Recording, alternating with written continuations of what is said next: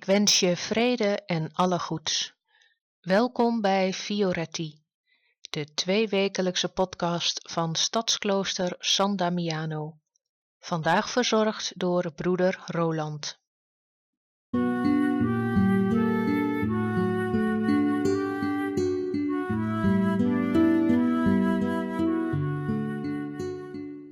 Laatst vroeg iemand mij: wat betekent dat elkander dragen? Wat betekent dat voor jou? Ik moet zeggen dat ik daar zelf even over na moest denken. Elkander dragen. Toen dacht ik ineens aan het beeld wat ik zo vaak zie als ik op zondag een doopviering heb. Ik ben zelf pastor in de parochie. En hoe ik zie hoe ouders en peetouders voor liefde hun kind dragen. En het klinkt misschien gek, maar aan de ene kant dragen ze het kind en lijkt het een handeling van hun te zijn, van zorg voor het kind. Maar aan de andere kant is het kind zelf ook een bron van kracht voor hen. Doordat ze het willen dragen, doordat zij door dat kind zelf de kracht krijgen om zorg te dragen voor dat kleine hummeltje. Misschien is dat ook wel de kern van elkaar dragen. Dat hij iets wederzijds heeft. Dat je iets doet voor de ander, niet alleen omdat het moet, of omdat je zelf de kracht ertoe hebt, maar dat de ander ja, op de een of andere manier ook die kracht geeft.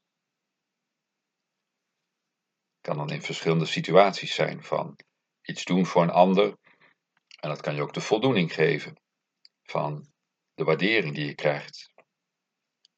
Maar het kan ook soms zijn dat je iets voor een ander wil doen die het moeilijk heeft.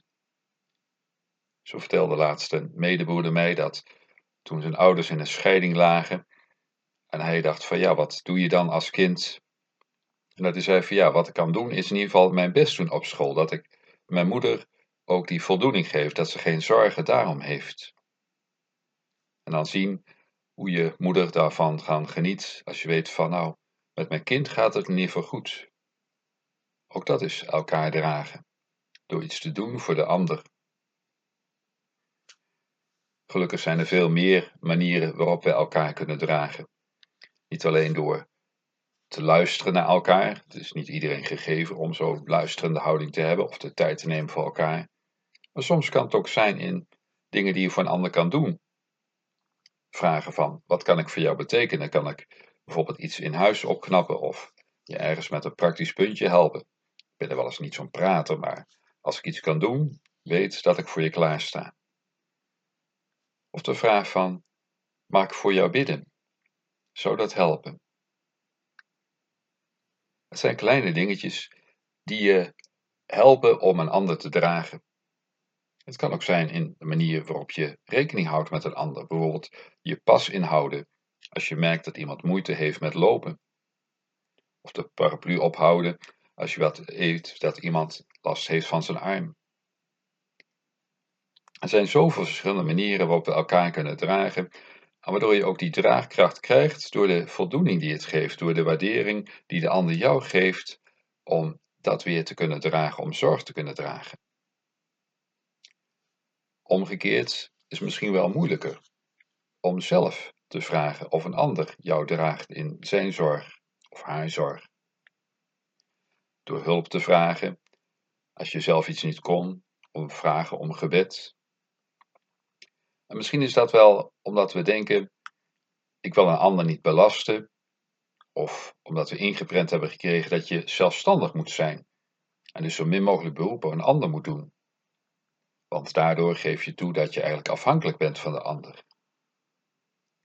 Maar tegelijkertijd door een beroep te doen op een ander, door tegelijkertijd ook een ander te laten voelen dat je hem of haar nodig hebt, al is het maar door een vraag van een advies of een hulp van hoe kijk jij er tegenaan. Laat je de ander ook ervaren dat hij of zij belangrijk is, dat hij ertoe doet. Dat jij het oordeel aan de wezigheid van de ander waardeert. En zoals ik zelf voldoening en draag kan ontvang door wat ik voor een ander kan betekenen, de ander ook voldoening mag ervaren in wat hij mag betekenen, in het gewaardeerd worden wie hij, zij is. Ik denk dat Jezus zo ook dat bedoeld heeft en Franciscus ook, elkaar dragen.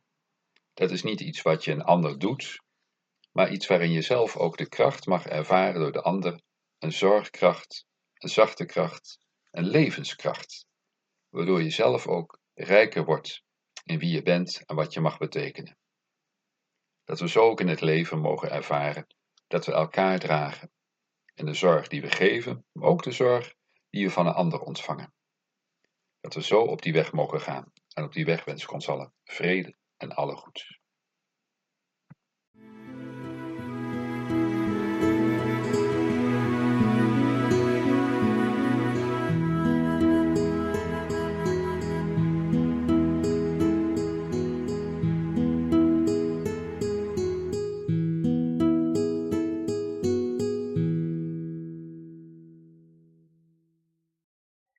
Bedankt voor het luisteren. Tot over twee weken. En tot die tijd, vrede en alle goeds.